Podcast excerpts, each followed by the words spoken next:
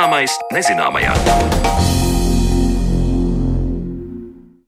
Esiet sveicināti redzījumā, zināmais nezināmajā. Ar jums kopā esmu es Sandra Kropa, un šodien mēs pievēršamies aktuālajām pasaulē, un šonadēļ tas viennozīmīgi ir klimata samits Eģiptē. Igadējā valstu tikšanās par pielāgošanos klimata pārmaiņām un emisiju samazināšanu šogad notiek Āfrikā, reģionā, kas ir viens no visvairāk skartajiem klimata pārmaiņu ziņā. Arī sociālā nevienlīdzība ir milzīga šī reģiona problēma. Kāda ir Āfrikas loma šajās klimata sarunās, par to jau pavisam drīz runāsim raidījumā, bet pirms tam aicinu ieklausīties stāstā par vispasaules globālu katastrofu, ko šī planēta ir piedzīvojusi vairākas reizes.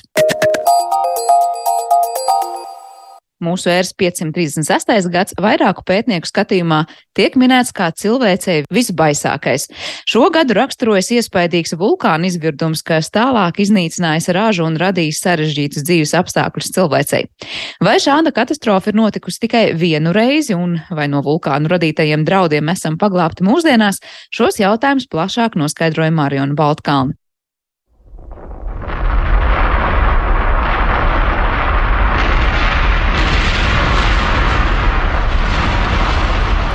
Vēsturē dabas varenība ir metusi daudz izaicinājumu cilvēkiem, bet vairākās publikācijās tieši mūsu ēras 536. gads tiek dēvēts kā pasaulē sliktākais gads. Kas tad toreiz noticis? Kā skaidrojas pētnieks Kristofers Lavlaks, tad masīva vulkāna izvirduma rezultātā Zemes ziemeļu puslodi aizēnojas milzīgs vulkānisko pelnu mākonis kļuvis tumšs kā naktī, bet gaisa temperatūra likumsakarīgi sākusi pazemināties, iznīcinot ražu un cilvēci novedot bada priekšā, kam vēlāk sekojas arī buboņu mēris. Tiek uzskatīts, ka vulkāna izvirdums noticis Islandē, pastāv gan arī citas versijas. Un, lai labāk saprastu gan šo, gan iespējams vēl citus pasaulē sliktākos gadus, uz sarunu esmu aicinājusi geoloģijas profesoru, vadošo pētnieku Latvijas Universitātē un pētnieku Tallinas Tehnoloģiju Universitātē, kā arī biedrības ezeru un purvu izpētes centrs biedru un valdes locekli Normundu Stīvriņu. Tālāk pētnieks skaidro, kā varēja attīstīties notikumu secība 536. gadā notika um, vulkāna izvirdums, gan iespaidīgs, un vēl joprojām, starp citu, nav vienprātības, kurā tieši vietā, iespējams, Indonēzijā vai Islandē pēdējās ziņas arī, vai Aļaska, Ziemeļamerika. Diezgan uh, diskutabls jautājums, bet um, tā ideja ir tāda, ka tiek izsviests atmosfērā ne tikai putekļu, jeb uh, vulkānisko pelnu daļiņu liels apjoms, bet arī uh, siltumnīca efektu izraisošās gāzes nonāk kā sēra dioksīdi un šie savienojumi, kas atstaro saules gaismu. Un līdz ko tas tiek um, izdarīts, ja, tad, ja tiek atstarota saules gaisma, tad uh, Zeme saņem mazāk siltumu un arī fotosintēze kā tāda um, notiek mazākā mērā. Līdz ar to tas uh, jau veicina klimata pavēsināšanos. Mums nevajag pat par daudziem grādiem. Ja. Dažos uh, avotos tiek minēts, ka pat par 5 līdz 10 grādiem, bet nu, tās um, jaunākās hipotēzes un pētījumi norāda, ka pusotrs līdz 2 grādi vēsāks klimats gada griezumā jau ir liela traģēdija priekš augiem un, attiecīgi, tālāk jau dzīvniekiem un cilvēkiem. Ja. Mm, šis nav vienīgais. Kādai 536. gads ir uh, akcentēts, un tā patiešām ir literatūrā. Viņš tiek definēts kā sliktākais gads, kad dzīvot. Es teiktu, nebūtu nē, ja, jo līdzīgas um, situācijas ir bijušas pēdējo 1500 gadu laikā, un pat vēl dziļākā pagātnē kad uh, vulkāna aktivitāte ir palielinājusies un tāda spēcīgāka vulkāna izvirduma notikuši tepat Islandes teritorijā. Piemēram, Askija vulkāns 1875. gada izvirdums, Lakija vulkāns 1783. līdz 84. gads. Tas 18. gadsimta izvirdums, starp citu, izraisīja gandrīz 50% mailopu izmiršanu Islandē, 25% cilvēku izmiršanu Islandē, un tad šie indīgie gaisam piesārņotie mākoņi ar sēru dioksīdu un šīm gāzēm problēma nonāca arī līdz Eiropai un veicināja tiešā mērā vismaz 10 tūkstoši līdz pat 50 tūkstoši cilvēku miršanas gadījumus izraisīja arī neražas gadus turpmākajos gados, un kā tiek asociēts arī šis Latvijas vulkāna izvirdums varēja būt kā katalizators, lai veicinātu Franču revolūciju. Nu, tā bija neražas gadi, ir šī slavenā frāze, ja, ja cilvēkiem nav ko ēst, dodat viņiem kūks. Nu, tas tīri ieskicē to, ka patiešām nebija cilvēkiem ko ēst. Ja. Te es varu arī pieminēt 1815. gada vulkāna izvirdumu Tambors, Indonēzijā. Tātad ļoti tālu no mums, bet šis vulkāns bija ļoti spēcīgs. Un nākošajā gadā, 1816. gadā, Eiropā nu, principā, bija ļoti vēss, un šo gadu sauc par gads bez vasaras. Ja? Un te bija līdzīgas scenārijas. Tātad aizsardz saules gaismu, vēsāks, neražas gadi, Nu, līdz ar to arī mēs varam runāt par dabas katastrofu saistību ar nemieriem, cilvēkam, badu, mēriem sekojošiem, ja, jo tie jau ir kā nākošais solis kvalitāte dzīvē pazeminās. Līdz ar to tiek veicināts dažādu slimību uzplaiksnījumi. Ja? Nu, te var minēt arī melno mēri, 1346. gads, 1352.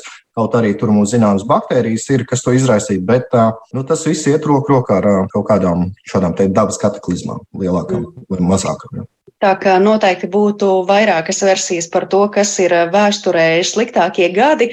Ja mēs atgriežamies vēl pie tā 536. kāpēc ir piemēram grūti tā saprast, kur tad galu galā tas notika? Tas ir vēl saistīts ar to zemes tektonisko plātņu pārvietošanos. Kā jau minējāt, līdzsvars plātnes, tad jā, viņas arī kustās visu laiku. Arī mūsdienās viņas kustās, pārvietojas. Līdz ar to var tikt izraisīta vulkāna izvirdumu epizodes vairākās vietās, un kuras var arī pārklāties. Līdz ar to dažkārt var būt grūti pateikt, vai viens vulkāns bija pie vainas vai cits. Ja mēs no mūsdienu skatu punktu raugamies, paņemam paraugus no kaut kādām vietām, arheoloģiskiem apgādījumiem vai kaut kādām pilsētām vai noglūmēm, tad mēs varam vienu centimetru tajā paraugā teiksim, atrast divu vulkānu izvirdumu pelnus. Tad ir jautājums, kurš tad bija tas noteicošais, kas izraisīja to vai ne.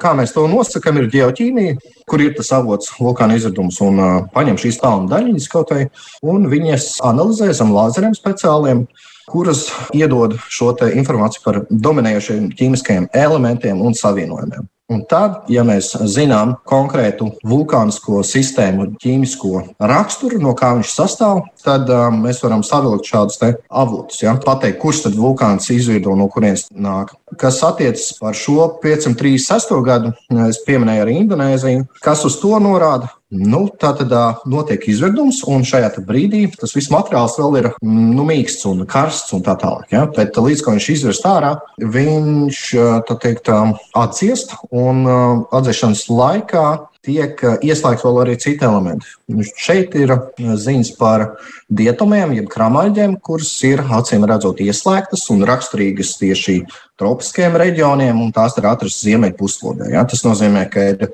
noticis kaut kāds vulkāna izvirdums Indonēzijas vai mm, tropiskajos reģionos, un šis materiāls ir atpūsts pa gaisu līdz pat ziemeļpuslodē. Ja. Bet uh, tikpat labi tas varētu būt Islandes vulkāna izvirdums, kā pēdējās publikācijas, cik palūkojos, norāda, ka ir arī um, vulkāni izviduši tieši Islandē ap šo laiku arī. Mm. Vai mēs to varam sasaistīt ar jēdzienu vulkāniskā ziema? Nu, vismaz literatūrā parādās arī šāds apzīmējums, ka visi tie procesi, ko vulkāna izvirdums ir tālāk izraisījis, augstums, temperatūras krišanās, ka to pat varētu saukt par vulkānisko ziemu. Nu, tas nosaukums varbūt arī kodola ziema, vienalga, vai vulkāniskā ziema. Un šajā gadījumā droši vien vulkāniskā ziema tas vairāk norāda izcelsmi. Ja, ja mēs runājam par kodola ziemu, tad skaidrs, ka kaut kāds sprādziens ir bijis. Bet tikpat labi šāda zima ir iestāties pēc meteorīta ietriekšanās, kā tas ir bijis Grenlandē pirms 12,900 gadiem, kad uz veseliem tūkstošiem gadiem mums klimats tika mm, pavēstināts mm, par vairākiem grādiem ziemē puslodē. Tad ir notikums, pēc kura iepriekšējais klimats vairs nepastāv, viņš tiek ietekmēts strauji un mm, šajā gadījumā ziema, tad pavēstinās klimats. Jo uz kaut kādu noteiktu laiku arī ziema pēc savas definīcijas sākās un beidzās kaut kādā brīdī. Profesoram jautāju, kā tiek meklēti paraugi, lai pēc tam kaut ko izsecinātu par seniem vulkānu izvirdumiem. Viņš skaidro, ka viens variants ir zinātnes nozare tefrohronoloģija, kas tieši nodarbojas ar vulkānu izvirdumu pētniecību. Šajā gadījumā pētnieki apzināti meklē vulkānu izvirdumu pelnus nogulumos vai ledusserdēs Islandē, Antarktīdā un citviet. Otra iespēja būtu paleoekoloģija, kas pēta pagātnes veģetāciju, piemēram, Normons Stīvriņš pēta Latvijas ezeru un purvu nogulumus. Šiem nogulumiem nosaka vecumu, paralēli pētot, vai nogulumu izcelsmes brīdī ir notikuši kādi vulkānu izvirdumi, un pēc tam mēģinot atrast, vai arī Latvijas nogulumos varētu būt kādas vulkānisko pelnu daļiņas. Trešais variants - arheoloģiskie izrakumi, piemēram, Islandē vai Pompejos, kas visticamāk varētu saturēt vulkāniskos pelnus. Notiek arī pētnieku grupu sadarbība un mērķtiecīga vietu meklēšana, kur varētu izsekot līdzi vulkānu pelnu izplatībai un ietekmēm. Teiksim, tepat Vācijā ir vulkāns liels, kurš vairs nav aktīvs, bet ir izvirdis ledus laikmeta beigu posmā. Un, mēs zinām no arheoloģijas, ka cilvēki to ir piedzīvojuši. Šie mākoņi ir sasnieguši Latvijas teritoriju, un ka dzīvniekiem un cilvēkiem ir mazliet emalis zobiem nodilušas dēļ šī notikuma. Tas ietekmē tad ir fiziski arī cilvēku un dzīvnieku veselību reāli pavērtējot no tāda viena milzīga vulkāna izvirduma, cik ātri viss var aiziet bojā un atkal cik ātri tas var atjaunoties. Cik liels magnitūdas sprādziens tas ir? Ja mēs runājam par 8, 8. klases, ja vislielāko supervulkānu gadījumu, tad mums jārēķinās uz vairāku gadu tādu vulkānisko ziemu, ja, ja mēs tā terminoloģiju izmantojam. Nu, vismaz 5 līdz 10 gadu noteikti mēs runājam par tādu izteiktu ietekmi.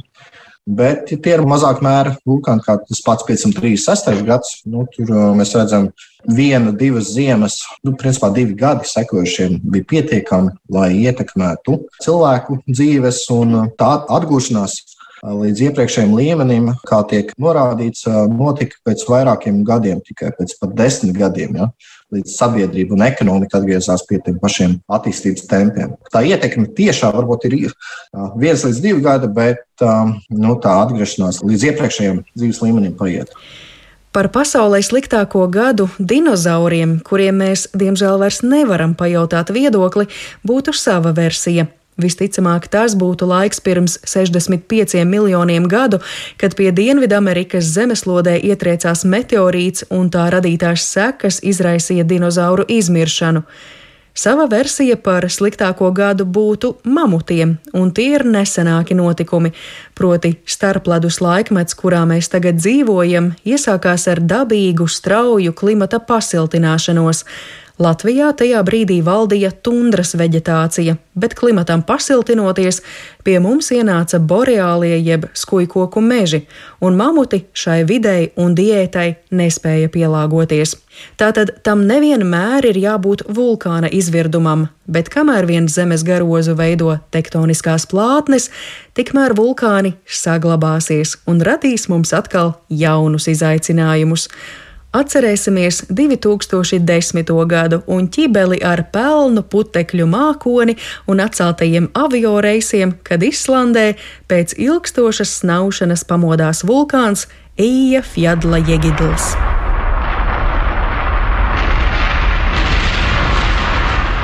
Šis temats visu laiku būs aktuāls, un kā kolēģi ir izpētījuši arī tajos apgabalos, kur ir aplidojums, piemēram, Islandē. Ja, tad, ja aplidojums nokūst, tad turpmāk pēc aptuveni 500 gadiem, 600 tiek veicināta papildus vulkāniskā aktivitāte, jo tas iepriekš esošais ledus, kas bija virs šīs zemes virskārtas, viņš iespieda iekšā šo zemes garozu virsējo. Bet līdz ko mums izkūst virspusē esošais ledājs, tad zeme mazliet ceļās uz augšu un var veicināt kaut kādu augšupējošo plūsmu, mantiju. Tā teikt, um, izvēršana zemes virspusē. Ja, tā var palielināties pat uh, vulkāniskā aktivitāte dēļ klimata sasilšanas.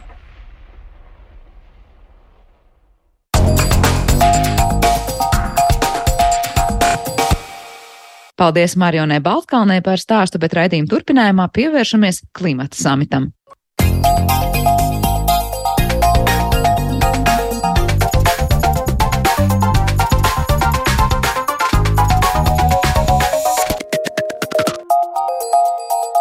Zināmais nezināmajā. Kopš Parīzes klimata līguma parakstīšanas ir pagājuši septiņi gadi, un pa to laiku pasauli piedzīvojusi graujošas temperatūras rekordus, nevienu dabas katastrofu, covid pandēmiju un bruņotus konfliktus. Šajos turbulentajos apstākļos valstīm ir jāturpina sarunas par to, kā pielāgoties klimatam, kas tik strauji mainās, un kur gan labāk par to runāt kā kontinentā, kur šīs izmaiņas skar visai skarbi, un tā ir Āfrika, un par to, kā veicas šajās sarunās un kādas tad rīcības varam gaidīt tuvākajā nākotnē. Šodien mēs spriedīsim ar mūsu studijas viesiem. Pie mums ciemos ir Pasaules dabas fonda Latvijā direktors Jānis Rozīts. Labrīt. Un arī biedrības zaļā brīvība vadītājs vidzinātņu doktors Jānis Brīsga. Labdien! Sveiki! Uh, nu, ko sāksim ar to, kāpēc šīs ANO klimata pārmaiņu konferences un tās sarunas šoreiz notiek tieši Šarmelšēhā un Eģiptē. Vai jūs arī saskatāt nu, tajā kaut kādas interesantas pavērsienus, jo vismaz nu, publiskajā telpā izskanēja to, ka tas ir diezgan kontroversāli, ka tur patiesībā ir dažādi viedokļi izskanējuši. Kā tad nu, tieši Eģiptē par to būtu jāno Jānis Rozīt, Jānis, sākšu ar tevi. Kāds, kāds ir tavs vērtējums? Nē, nu, pavisam īsi. Es domāju, tas tiešām ir zīmīgi, jo mēs saprotam, ka ir reģions, kuram ne īpaši labi veicās ar, ar, ar, gan ar klimata mērķu izvirzīšanu, gan ar kaut kādu virzību tālāk praksē. Un tas ir zīmīgi, ka varbūt mēs ejam prom no tām valstīm, kur ir tas sekmīgums lielāks. Nu, ja mēs vispār varam runāt par sekmīgumu, mēs varam runāt arī par nu, tāds teorētisks sekmīgums. Ja, ja mēs skatāmies uz šo 1,5 grādu līkni, par kuru mēs runājam, tad eh, šobrīd, eh, nu, Jānis Brīsīs neļaus man samalot, šobrīd nav neviena valsts pēc pēdējā eh, klimata performance indeksa vērtējuma, nav neviena valsts pasaulē, kas šobrīd iet tajā virzienā, par ko ir lemts pirms gadiem Parīzes nolīguma laikā. Tā kā es domāju, tas ir apsveicami, kad šīs sarunas notiek tur, kur varbūt eh, nu, ne īsti sekmējās uh, reālās darbības. Nav tā, ka ir viena pareizā valsts, kas tagad parādīs, kā jādara. Patiesībā šajā brīdī mēs runājam par to, kur daudziem ne īsti labi veicās. Jā, tev arī šis pats jautājums, kādām acīm tur augies uz to, kas notiek šogad un tieši Eģiptē. Nu. Principā jau šīs konferences tiek eh, rotētas pa dažādiem kontinentiem, dažādām valstīm. Un, man liekas, tas ir zīmīgi, kad uh, notiek Āfrikā, kur, kā jau Jānis Rozīs teica, tad uh, nu, kontinents, kur varbūt uh, tie klimata mērķi netiek tik intensīvi izvirzīti un tik ambiciozi kā varbūt Eiropā, arī Āzijā, daudzās valstīs. Bet jāņem vērā arī, ka Āfrika varbūt ir tas kontinents, kur uh, vismazāk ir uh, nu, savu šo devumu klimata pārmaiņās uh, ielikusi. Ja? Šīs emisijas no Āfrikas kontinenta ir salīdzinoši niecīgas, ja salīdzinot ar Ziemeļameriku, ar, ar, ar Eiropu, ja, ar daudzām Āzijas valstīm. Uh, un uh, tā galvenā tēma, uh, par ko runā šajā, šajā samitā, ir par zaudējumiem, zaudējumu kompensāciju. Un tas ir tas, ko daudzas, sevišķi šīs ekvatoriālā zonas valstis tagad piedzīvo dažādas šīs klimata pārmaiņu sekas. Un, un tad tas ir jautājums, kādā veidā viņi nav atbildīgi, viņi nejūtās atbildīgi. Ja? Un, vai var izveidot kaut kādus mehānismus, kādā veidā kompensēt šos zaudējumus, vai palīdzēt pielāgoties valstīm, lai šos zaudējumus nākotnē būtu mazāk? Es saprotu, ka par šo mm, zaudējumu pielāgošanās aspektu tiešām tiek runāts tajā kontekstā, ka tiek pārskatīta progress virzībai uz to, lai līdz 25. gadam katru gadu tiktu atvēlēti 100 miljārdi ASV dolāru nolūkā palīdzēt jaunatīstības valstīm pārvarēt klimata pārmaiņu, šīs negatīvās sekas. Tur runā par šo šobrīd. Ja? Tad viena no šiem nu, četriem lielajiem tē, tēmu lokiem, par kuriem tiek spriests. Jā, nu šis, ir, um, šis ir tas uh, klimata fonds, ko, ko tu minēji. Uh, kas jau principā no Parīzes jau bija paredzēts, ka uh, katru gadu valsts savāks 100 miljardus um, dolāru, lai palīdzētu valstīm gan pielāgoties, gan maks, nu, šos zaudējumus sekt. Līdz šim um, nav izdevies šo mērķi sasniegt, šīs summas nodrošināt. Tā pašā laikā pēdējo, pēdējie aprēķini rāda, ka klimata pārmaiņu radītie zaudējumi pasaules ekonomikā ir apmēram 300 miljardi dolāru. Ja? Gadā? Gadā, jā. Š, šī gada plūdi Pakistānā ja, vien ir radījuši vairāk kā 40 miljardus dolāru zaudējumu. Ja? Tā kā, mēs nu, neredzam. Es īsti neredzu, ja kādā veidā mēs, eh, mēs šos eh, kompensācijas mehānismus tagad, eh, tagad nu, izstrādājam un, un pielietojam praksē. Bet 25. gads jau ir ļoti, ļoti tuvu. Jāni, Tev atkal jautājums, kā tur augies uz to mm. izdosies līdz 25. Nu, gadam tā mistiski pēkšņi atrast to vienošanos, lai mēs tiešām katru gadu, tas, kas jau būtu jādara, to 100 miljardus dolāru nu, salikt tas, ko mēs kastē. redzam, un atgriežamies vēlreiz pie izvēles vietas. Nu, nu, gan precīzi mēs tikko jau tādā sarunā nonācām pie tā, kāpēc ir šī, iespējams, kāpēc ir šī vieta izvēlēta tieši tur, kur notiek šobrīd šis, šī tikšanās. Nu, tāpēc, kad nu, ir viens no galvenajiem diskusiju jautājumiem - finanses tas, kas ir pirmajā nedēļā noticis, nu, neviens jau īsti nav nācis tā skaidro, skaidru mm, redzējumu, ka tiešām šī finansējums tiks uh, nu, savākts. Un, uh, bet nu, tāpat laikā mēs redzam visu raksturu pēc būtības šim, šim šī gada uh, šim samitam. Tas gribētu teikt, ka nu, ir jūtams fons, ir jūtams Covid fons, ir jūtams kara fons, ir jūtams visas šīs ekonomiskās recesijas, šīs krīzes, kas šobrīd valda. Uh, nu, tas ir jūtams fons, ir, un arī šīs sarunas līdz ar to ir tādas, nu, es gribētu teikt, līdzinēji bez tādiem konkrētiem nu, mērķiem un konkrētiem atšķirībā, piemēram, no pagājušā gada, kur jau bija kaut kādi paziņojumi gan par investoriem, privātiem investoriem, gan par valstu kaut kādiem jau kopējiem paziņojumiem saistībā ar metānu. Nu, šobrīd tas nav. Un tas ir jūtams, ka nu, tāda milzīga uzmanība valda. Un, um, un atgriežoties pie naudas, es domāju, ka arī es šaubos, vai, vai, vai pēkšņi šogad būs paziņojums, kad mēs esam gatavi pēc diviem gadiem šo naudu nu, um, virzīt. Es domāju, ka tur būs tas vēl turpināsies nākamā gada samitā, jo tas tiešām bija šī gada viens no mērķiem salikt pa plauktiem šos finanšu jautājumus bet pirmā nedēļa un pat pirmā diena, kad sākās šis, šis COP27, sākās finanšu diena, katra šī diena ir veltīta vienai tēmai, un sākās ar finanšu dienu. Un, nu, un tur nu, īsti nenāca Nekas pes, tad vairāk pesimistisks nekā optimistisks. Es gribētu teikt, nu, vismaz jācer, ka tas būs neinterāli, ka tas nesāk kaut kādā veidā būt atpakaļ šo sarunu. Tā kā nu, tas stāv uz vietas, vismaz tik daudz, varbūt tā mēs varam uzlūkot. Ko tas nozīmē tālāk pasaulē turpmā, turpmākos gadus? Vai mēs varam teikt, mēs jau zinām, ka esam uz tāda tā kā pauzes vispār šo problēmu risināšanā, vai kā Jānis tikko teica, varbūt pat sliktākajā scenārijā virzāmies soli atpakaļ? Uh, jā, arī šie valstu iesniegtie plāni par uh, emisiju samazināšanu nu, īsti nenodrošina Parīzes nolīgumu šo mērķu sasniegšanu. Tas, ko, tas, ko eksperti ir vērtējuši, ka drīzāk mēs virzamies 50. gadā uz 2, 2,5 grādiem vai pat uh, vēl lielākiem temperatūras pieaugumiem, kas uh, var radīt nu, ļoti būtisks neatgriezenisks seks jā, pasaules ekosistēmām, ekonomikām un, un, un daudzām sabiedrībām un kultūrām. Um, šeit nu, jā, tas jautājums par, par, par to, cik mēs. Uh, Nezinu, tāda cietumnieka dilēma, ja, kas ir spēļu teorijā. Ja, kad uh, mēs neviens negrib spērt pirmo soli, negrib uzņemties uh, kaut kādu atbildību. Uh, grūti arī izdo, izdarīt šos uh, nākotnes lēmumus. Uh, visi domā par, par, par to šodienas uh, uh, iegūmiem vai kaut kādām izmaksām, bet, uh, bet visdrīzāk uh, nedarīšana šodien, nākotnē maksās daudz, daudz dārgāk. Ja? Un, kaut kādā tas... veidā līdzīgi kā ar energo krīzi, ne? Mēs te runājām pašā sākumā. Būtu ātrāk sākuši, nebūtu tik sāpīgi šobrīd. Protams, mēs atliekam daudzus lēmumus, un pēc tam, pēc tam maksājam par viņiem ļoti dārgi. Bet vai šobrīd, piemēram, arī tajā, ko tu minēji, cik patiesībā 300 miljonu gadā ja ir zaudējumi, ko mēs piedzīvojam pasaulē tieši klimata miljardi? Miljardi, atvainojos, jā, 300 miljardi. Uh, un liekas, pat tad saliekot tajos svaru kausos, nu tie 100 miljardi, kas būtu gadā nepieciešami, lai ļautu valstīm kaut kādā veidā tad, tad, piemēroties un adaptēties tam visam. Nav argumentu šobrīd, lai teiktu, mēs paši zaudējam zarus, kuras sēžam, ja mēs šobrīd jau nesākam nu, rīkoties. Tajā sarunās jau nav tā, ka uh, valsts saka, nē, mēs, mēs nemāksim to naudu. Uh, tā, Saka, tas, vāksim, bet vāksim, bet mums vajag saprast, ko un kādā veidā. Un tur nav vienkārši arī jautājumi, ja. kuras tad valstis būs uh, tiesīgas uh, saņemt tos līdzekļus, kā mēs novilksim to strīpu, vai tas ir pēc ienākumiem, un kurā vietā tā ienākuma strīpa būs, kurš tad ir tas nabadzīgais, kurš nav nabadzīgais, vai pēc klimata riskiem.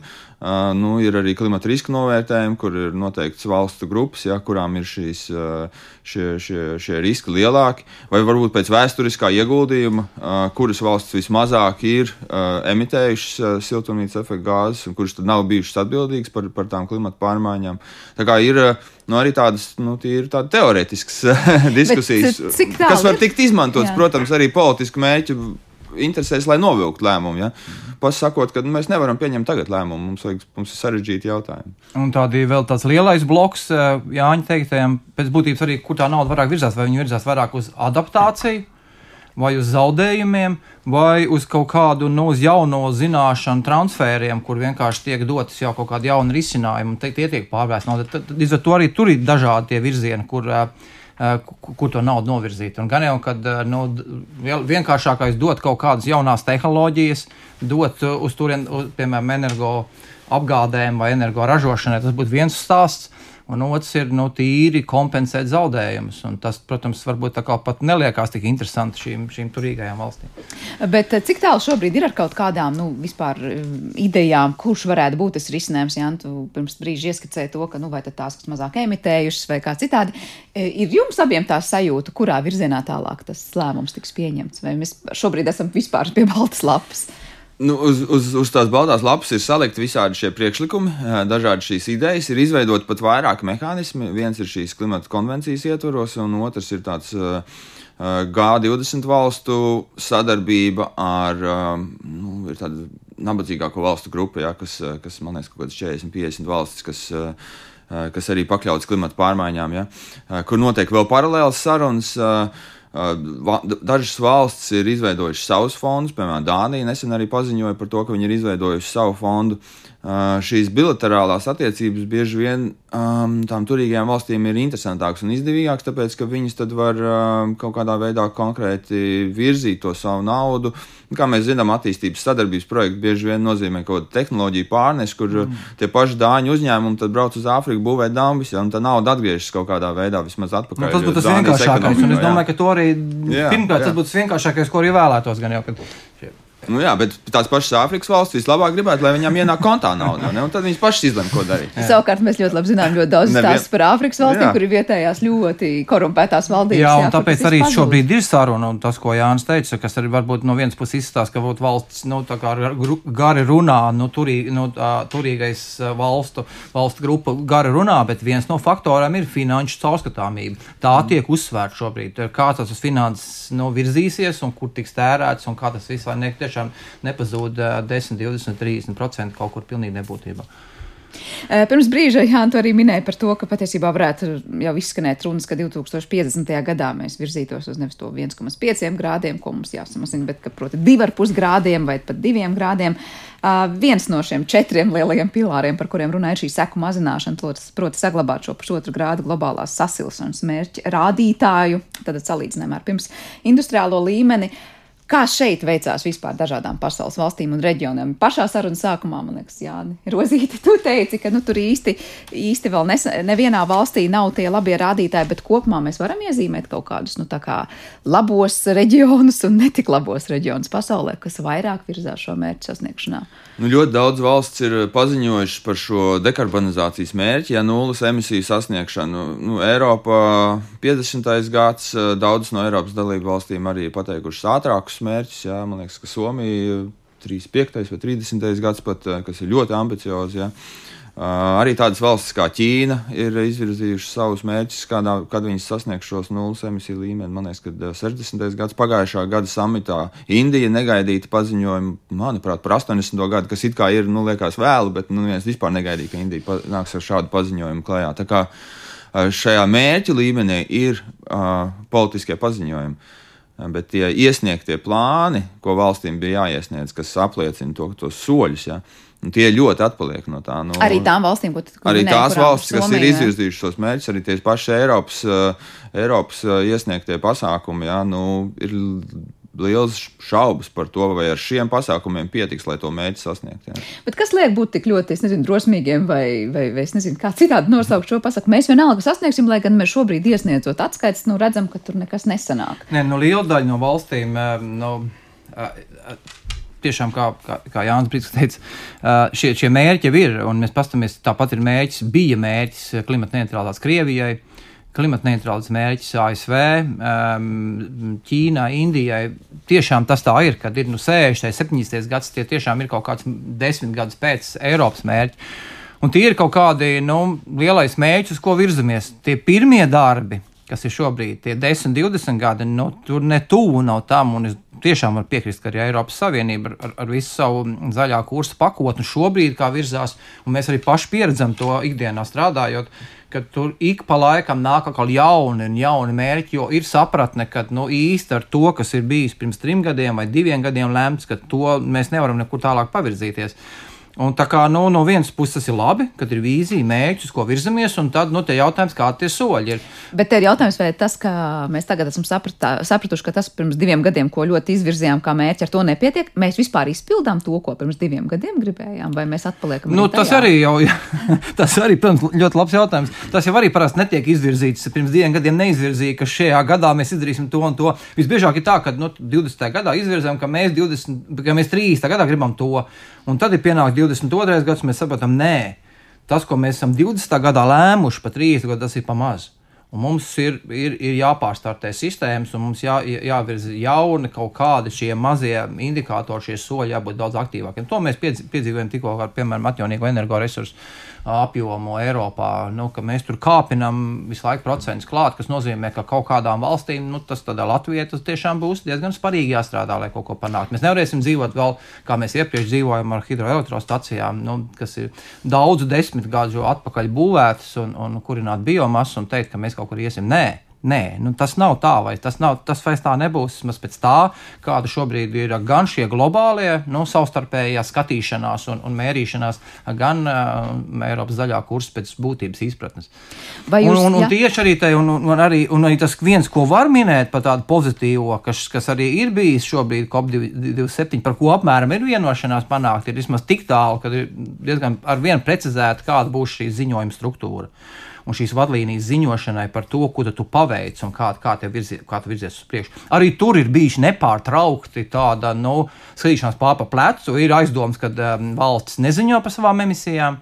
Un ar to ir svarīgi nospraust precīzi metodiku, mērāmu, skaidru, kā tas tiek ziņots visiem daudz maz vienādi, lai to varētu paveikt. Jo tur jau arī vēl, es vēl nosolos, ka es dzīvošu tā, bet, un es vēl tā, nu, tā kā man neiet, bet plus es vēl šmaucos. Tas, tas bet cik pārbaudām ir tie valsts ziņojumi? Nē, nu, piemēram, valsts var pateikt, mēs emitējam tik un tik. Pamatojam kaut kādu metodoloģiju, bet jautājums, vai tur kādai valstī nav iespējams norādīt mazliet citus? Ir, ir kopīgi izstrādāta šī, šī metodika, kādā valsts ziņo, tāpat arī Latvija ziņo klimata konvencijas ietveros, un ir dažāda līmeņa precizitātes dati. Bieži vien valstīm vienkārši nav precīzu datu, viņiem nav pētījumu, lai tad, ir, tad izmanto kaut kādus reģionālos un, un, un tādus ar tādām atsaucēm un atkāpēm. Ja. Šos ziņojumos nevar sarakstīt, ko vēlās, ja, tāpēc, ka ziņojums pēc tam pārbauda nu, citu valstu pārstāvji ja, un, un nu, eksperti un zinātnieki, kas, kas, kas nu, izķer tās kļūdas un, un saka, nē, nē, nē šādi. Nu, arī Latvijā mēs esam Mums bieži vien trūkst datu, sevišķi lauksainiecībā, tādās jomās, ja, kur, kur tā precizitāte var būt nu, plus mīnus 50% ja, par nezinu, no emisijām no, no mājlopiem vai no kaut kā tāda. Neviens jau ne, neiet pakaļ govī un neskaita, ne, kādas ir tās emisijas. Rūpnīcā vienkāršāk, tu izmanto gāzi, tu zini, cik daudz tu sadedzini kubikmetrus gāzes un cik lielām emisijām jābūt. Ir. Daudzās zemes lietojumā un citās lietās tās, tās neskaidrības ir lielākas. Uh, Un tad izmanto nu, jā, šīs, šīs kaut kādus zinātniskos pētījumus. Ja Latvija veids zinātnisko pētījumu, kas ir publicēts pēc tam nu, recenzētā žurnālā, tad tu uz to var atsaukties. Jā, reku mums ir jauni precizēti koeficienti. Tām pašām govīm, vai kūtsmēsliem, vai zemes kaut kādam lietojumam, un tad mēs, mēs pielietojam šādus. Un, uh, tas, tas virza savā veidā arī to klimata zinātni, tāpēc, uh, nu, mēģina panākt un precīzākus un precīzākus šos skaitļus. Bet, uh, Mm, nu, protams, jā, es nezinu, var, var, var mēģināt uh, kaut ko šmaukties arī, bet, uh, bet daudzās jomās nu, jā, tā, tā, tā, tā, tā, tā zinātnes. Uh, Precizitāte vēl patiesībā nav tik augsta, lai mēs tur uh, gandrīz nekļūdīgi varētu pateikt tās emisiju apjomus. Jā, tu gribēji ko piebilst? Jā, es gribēju teikt, ka, ka es pavisam nu, prognozēju, nu, tas ir diezgan skaidri redzams, ka tas nākotnē tā atbilde uz tavu jautājumu, ka tā jau būs tāda nedaudz arī konkurēta skatīšanās, konkurences skatīšanās pa plecu. Un ne tikai, kā Jānis teica, ka, ka tev neatkarīgi citu valstu eksperti to pētis, to nu, man interesi, tad tu nestāsti, vai ne? Mums iet grūti, nu, mēs gribam arī, lai visiem vienādi šī rīcība.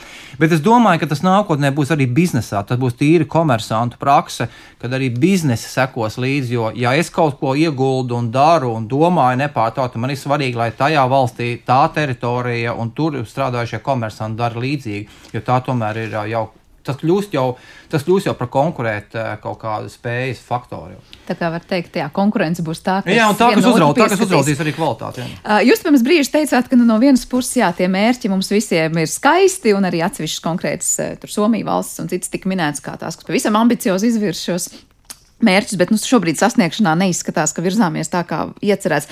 Vai jūs saredzat, ka zaļais kurs vai kādas citas darbības uh, varētu panākt to, ka labi, šobrīd tajos pirmajos gados nu, mums neveicās īsti kā gribētos, un mēs nevaram redzēt to progresu, bet ka ir, nezinu, vajadzīgs vai nu laiks, vai nu kaut kāda, nezinu, nu, kritiskā masa, kas sakrājas, un pēc, nu, desmit gadiem mēs redzēsim milzīgu progresu, vai notiks atkal kaut kādu satricinājumu pasaulē, kas mūs, nu, piespiedīs ātrāk virzīties uz tiem klimata neutralitātes mērķiem. Nu, es varu savus pārdomus paust. Manuprāt, kad nu, tā strateģiski virzoties, varbūt arī nav labi uzreiz ļoti lekt ar lieliem soļiem, kaut tas būtu nepieciešams. Bet uh, tas nav labi, tāpēc, ka nu, nu, nav jau vienkārši tā, ka tās ir kaut kādas sistēmas, tehnoloģijas, kas šo jautājumu kārto. Beigu beigās tā ir sabiedrība. Uh, tie ir lēmumi, individu lēmumi. Un, ja tās ir ļoti straujas izmaiņas, tad mums ir lieli riski ar tādiem, nu, es gribētu teikt, ar šo sociālo pārkārtošanos, ar lielu neapmierinātību sabiedrībā, un tas var radīt tādus milzīgus acitienus. Un to jau tagad jūt, un to tagad jūt ar tādiem nostīt maziem soļiem. Ja tie soļi vēl būtu krasāki un straujāki, tad mēs, varam, mēs arī redzam citu valstu pieredzi pat Eiropā, ka cilvēki ir neapmierināti, jo tas kļūst dārgāks, tur kaut kāda nodokļu sistēma mainās. Ja tas tā būtu, mainītos tik strauji, kā vajadzētu, tam būtu milzīgs tāds nu, atsitiens no sabiedrības. Jo sabiedrībā ir jāpierod un jābūt tam sistēmām ļoti adaptīvām, iekļaujošām, saprotamām, vienkāršām, iespējams, nezaudējot nekādus finanšu resursus. Visi dzīvo tāpatās. Bet, nu, saprot, kaut kas jādara, bet dzīvosim pa vecam. Tas, nu, tur ir jāsaprot, kā to panākt. Tas ir viena puse, un otra, pavisam īsi, ko es gribēju pieminēt tas, kas ir, man liekas, lielais jautājums, ka vēl, vēl pie šī, ka mēs nonākam pie tiem mērķiem. Skaidrs ir tas, ja mēs tos mērķus nepildīsim, tur iestāsies, par ko arī norāda dabas organizācijas, iestāsies milzīgi liela riska ekosistēmās kā tādās. Un tāpēc ir tas teiciens, ka eh, klimatu mēs nevaram nekādā veidā saglābt, eh, nesaglābjot dabu, un arī otrādi. Un atkal savukārt dabu mēs nevaram nekādīgi saglabāt šobrīd bez klimata labvēlīga. Un, un, un līdz ar to šobrīd arī šajā COP27 pat vesela diena ir virzīta dabas daudzveidībai, kur arī tiek šie jautājumi virzīti, kādā veidā adaptēties, kādā veidā izmantot daba, dabas risinājumus. Jo šobrīd arī šodienas paziņojums ir, ka 54% no um, oglekļa emisijām tieši absorbē daba, dabas sistēmas. Un, un tas ir liels risks, ka mēs pazaudēsim šos procentus arī no dabas. Vēl. Bet tā kopumā tavs skatījums ir uz to, kā iespējams ar tiem maziem soļiem un pamazām virzoties tomēr to mērķi. Es domāju, ka vienkārši būs jākāpina tēmas, ir vienkārši būs eh, nepieciešams šīs sabiedrības pielāgošanās periods, mums jāstrādā ar izpratni, izglītību, ar ļoti labiem, ērtām tehnoloģijām, ērtiem risinājumiem, jo neviens īsti negribēs kaut ko ļoti ātri un strauji mainīt. Un arī diskusijās, nu, arī šajā vasarā mums ir jābrīz kopā lampa, lampā. Mēs organizējam diskusijas. Tas viens no secinājumiem bija, kad, kad visi eksperti domā, ka tehnoloģijas visu glābs. Ka sabiedrība arī dzīvo tieši tāpat, kā mēs dzīvojam. Ar pašiem ieradumiem, tehnoloģijas visu sakārtos. Un tas ir, es gribētu teikt, manuprāt, mānīgi. Mm. Jā, Jā šis, eh, es piekrītu, tas tehno-optimisms eh, valda mm, nu, lielā daļā gan sabiedrības, gan, eh, gan lēmumu pieņēmēju. Arī Eiropas Savienības šis nulles emisiju plāns lielā mērā balstās uz, uz ideju, uz, uz cerību. kad uh, mums līdz 50 gadam būs tās tehnoloģijas, kas mums ļaus uh, savākt, uh, absorbēt šo oglekli, ja pārveidot viņu un sakrāt kaut kur. Un kad, uh, kad mums radikāli nevajadzēs mainīt to dzīvesveidu. Tas ir, man liekas, ļoti riskanti tā, tā, tā, tā cerība ar domu, ka nu, kad mums atnāks tās tehnoloģijas. Bet nu, daudz tehnoloģijas, mēs tas pats ūdeņradis, ja mēs jau 20 gadus par viņu runājam, nu, viņš nav, nav komercializējies. Ja? Nu, varbūt pēkšņi, protams, kā ar mobiliem telefoniem. Bet redz, pagājušā nedēļā tieši atvēra, tieši samita laikā atvēra šo lielo ražotni, ūdeņraža ražotni, zaļa ūdeņraža ražotni, kā tādu labu piemēru. Nē, nē, ražot jau mēs viņu varam, jā, nu, tad to, to jau nav tik grūti, vai ne? Bet, bet kādā veidā tu uztaisīt par tādu komerciālu nu, risinājumu kaut kādām lietām, tas, tas, nav, tas nav īsti skaidrs. Bet tā tajā pašā laikā man liekas, uz to uz šīm klimata pārmaiņām, vajadzētu uz tām emisijām, kas mums ir, ja, un kad, kur, kurā brīdī mēs viņus sāksim mazināt. Uz viņām tomēr jāskatās kā tādu kopīgu budžetu, kas mums ir palicis līdz tam 50 gadam. Un, uh, mēs nevaram uh, neko nedarīt līdz 49 gadam, un tad, uh, nu, tad saņemties. Un... 49. gada decembrī. Jā, un tā sprintā noskiet maratonu. Bet, proti, no... tad būs iztērēts. Mēs jau mēs būsim iztērējuši visas tās iespējas, kas mums ir bijušas šajos gados. Ja mums tās emisijas visu laiku ir augstas, augstas, augstas, tad mums tas uh, samazinājums pēc tam būs jāizdara ļoti, ļoti strauji. Ja? Tā kā viņš mums, piemēram, Latvijā notika padomju saimībai sabrūkot. Ja? Mums ļoti strauji samazinājās emisijas. Par 60% tur pāris gadu laikā. Ja? Jā. Un tādas pārmaiņas droši vien sabiedrībā mēs arī negribam piedzīvot vēlreiz 90. gadu sākumu. Bet es kā šogad arī ar šo karu Ukrainā likās sākumā, jā, ļoti sāpīgs brīdis, kurā mēs piedzīvojam to, ka redz, kā vajadzētu atteikties no fosiliem resursiem un likās, ka pasauli un tā kā to būtu sapratusi, bet bet patiesībā nemaz tik ļoti ātri liekas, nu nesākam virzīties prom no tiem fosīliem resursiem, un liekas, vai arī tādi satricinājumi jūsuprāt varētu tā kā pavirzīt mūsu tuvākiem klimata mērķiem nākotnē, nu, skatoties, cik mums ir palicis līdz 50 gadam, vai esat diezgan pesimistiski noskaņoti? Nu, Katrā ziņā negribētos ne tik eh, vienādus ļaunus scenārijus, ka tikai tas kaut kādas milzīgas nelaimes milzīgas nelaimes ar milzīgiem upuriem mums var kaut kā pavirzīt uz priekšu. Tas ir, protams, viens no scenārijiem, un tas ir um, gan ar, ar klimatu, gan ar, ar dzīvo dabu, ka tajā mirklī, kad tiešām būs jūtams tas, ka tur ir problēmas desmit vai simts miljoniem cilvēku, un tās ir dzīvības, un tad kaut kāda lēmuma tiks pieņemta. Nu, tā ļoti negribētos, bet, nu, diemžēl tas tā kaut kā tajos, tajos mirkļos prasa veicās labāk, un to mēs šobrīd piedzīvojam kad eh, nu, šī krīze ir un tajā mirklī, kad tiešām mums jādomā, kā mēs, mēs būsim vispār siltumā un, un kādas mums būs pārtiks ķēdes un tam līdzīgi, tad mēs varam sasparoties un kaut kādus soļus spērt. Un iepriekšējās nu, desmit gadus, tas ir Latvijas piemērs, mēs neesam neko darījuši, pilnīgi neko. Un tajā mirklī, kad tieši otrādi mēs esam piesakuši visādos veidos, piesakuši šo gāzes projektus. Un, kaut gan arī tagad COP27 eh, parādās atkal jauni, jaunas sarunas un jaunas sarunas. Nu, dekarbonizācijas dienā ir sarunas par to, ka nu, tā gāze varbūt tomēr atkal ir kaut kā jāpietur, un, un, un tas viss kaut kur, kaut kur atgriežas. Nu, kaut kā tas laik vijās, jo, jo, jo ir jau tas, tas joks, kad šogad, nu, tur, kā smējās, kad uh, tieši šo fosīlo avotu lobbyisti ir tūkstošos mērāmi cilvēku skaits, kas apmeklē šo COP27. Eh, bet runājot arī vēl nu, piesaukto šī gada aktualitāti ar to, kādas tās sarunas bija. Nu, vienā brīdī arī, man liekas, mēs ar tevi Jāni Rozīti runājām par to šajā raidījumā, ka likās, nu viss, kad tagad uh, viss šīs ģeopolitiskās lietas ir jārisina, tad vispār par klimatu aizmirstam, par daudz ko aizmirstam, par dabu aizmirstam un likās, ka, nu, uh, runājot, mums tagad ir citas krīzes, kas jārisina, tie vidas jautājumi palika pavisam atkrituši kaut kur. Nu, Vai te ir kaut kādas bāžas, ka tādas līdzīgas krīzes un satricinājumi, kas, nu, cerams, ka nebūs, bet visticamāk būsim reāli līdz 50 gadam jau nekur nepazudīs, ik pa laikam liks atkal atmest mūs atpakaļ un teikt, nu, tagad nav īstais laiks vidi glābt. Tikai mans īsts komentārs, es noteikti es teiktu, ka, nu, te paldies Dievam, mēs esam diezgan daudz investējuši zinātnē. Un ir tiešām un arī labi izveidot šī zinātnīs struktūra, šī starpvaldību zinātnīs platforma, šis IPCC, ko mēs piesaucam.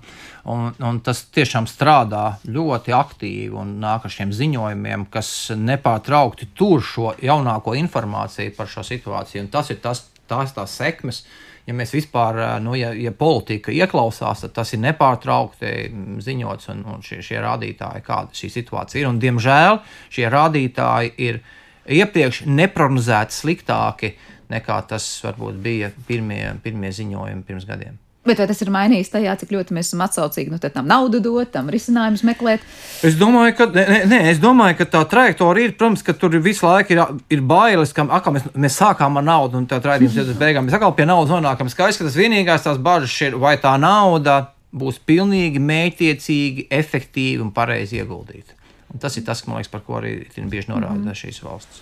Jā, par, krī, par, krīzēm, par krīzēm runājot, man liekas, ka eh, visi saprot, eh, gan, gan, gan tie Jāņa Rozīša piesauktie lobbyisti, gan lēmumu pieņēmēji, gan, gan, gan zinātnieki, ka eh, krīzes patiesībā ir tā iespēja mainīties. Un, un, vai, arī, vai arī nemainīties, ja tā kā bremzēt visu. Lai, lai, lai nemainās. Un, ja skatās Latvijā arī šī, šis kara, kara apstākļos augsto energoresursu cenu uh, apstākļos mēs esam ļoti daudz ko izdarījuši. Ja? Ir, ir vē, vēja parki atkal atdzīvojušies, sākuši par, mēs par viņiem runāt, un ir konkrēti projekti attīstās. Ja? Ir normatīvos aktos izmaiņas, ja, kas ļauj viņiem vieglāk tikt īstenotiem. Tur, protams, ir jāsabalansē ar tiem arī ar dabas interesēm. Ja? Uh, saules, uh, saules uh, parku sakarā mēs esam apsteiguši Igaunijas, jā, kas parasti tiek vērtēts kā tāds ļoti svarīgs atskaites punkts, atskaites punkts jā, pret mūsu progresu. Tā kā daudzās jomās varbūt tas, kas nekā, nu, mēs par vēju un par sauli runājām 10, 20 gadus, vai ne, nekas pilnīgi nenotika, ne, ne likumdošanā, ne arī nu, biznesa tika visādos veidos bremzēts tajā jomā. Ja. Tagad vienu gadu laikā ļoti daudz kas ir mm. tieši mainījies šajā ziņā.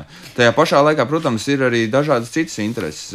Ir interese saglabāt gāzi. Jā, nu, okay, mēs tagad neņemsim viņu no, no, no Krievijas, ņemsim no citām valstīm, bet tā, tāpat vai sašķidrināt viņu būs tas, tas, tas būs tāpats fosilais energoresurss. Vai attīstīt kodola enerģiju. Jā, tā kā, nu, protams, šīs biznesa intereses ļoti spēcīgi strādā, lai, lai saglabātu to savu vietu uh, ekonomikā. Pavisam īsi, ar jā vai nē, te vai atbildot uz noslēdzošo jautājumu, tūdaļ kopš šis te samits beigsies. Kādi jums ir pašreizējie secinājumi sajūtās, vai mēs tā kā salīdzinot ar Parīzes nolīgumu ejam tā kā maziem, bet tomēr solīšiem uz priekšu vai atpakaļ gaitā kaut kur sākam doties? Jā, es, es, es domāju, ka joprojām mēs ejam uz priekšu. Uh mhm. -huh. Jā, manā skatījumā šis ir arī tāds darba kops. Mēs negaidām tādus lielus lēmumus. Uh, Bet uh, tas darbs tur notiek. Un, uh, varbūt nav tie lielie politiskie paziņojumi, bet, uh, bet tas uh, saturiskais darbs uh, iet uz priekšu. Nu, jā, un šogad arī viņš tiek tiešām strukturēts pa tēmām. Katru dienu viena tēma, un, un, un vai tā ir lauksaimniecība, un, un pārtiks nodrošinājums, vai dabas daudzveidība, vai pilsoniskā savienība. Tā tur ir tiešām. Nu, tad vismaz ir sajūta, ka tie mazie solīši tomēr ir pareizajā virzienā, un tad mēs vairāk pietuvojamies tam mērķim nekā no tā attālinamies, un tas arī šajā situācijā ir labas ziņas. Paldies jums par šo sarunu, un atgādinu, ka šodien studijā viesojas Pasaules dabas fonda Latvijā direktors Jānis Rozīts un biedrība Zaļā brīvība vadītājs Jānis Brīsga. Ar to arī raidījums ir izskanējis un to producēja Paula Gulbinska. Par mūziku gādāja Girds Bišs, skaņu režijā bija Kristīna Dela un studijā Sandra Kropa. Uz tikšanos!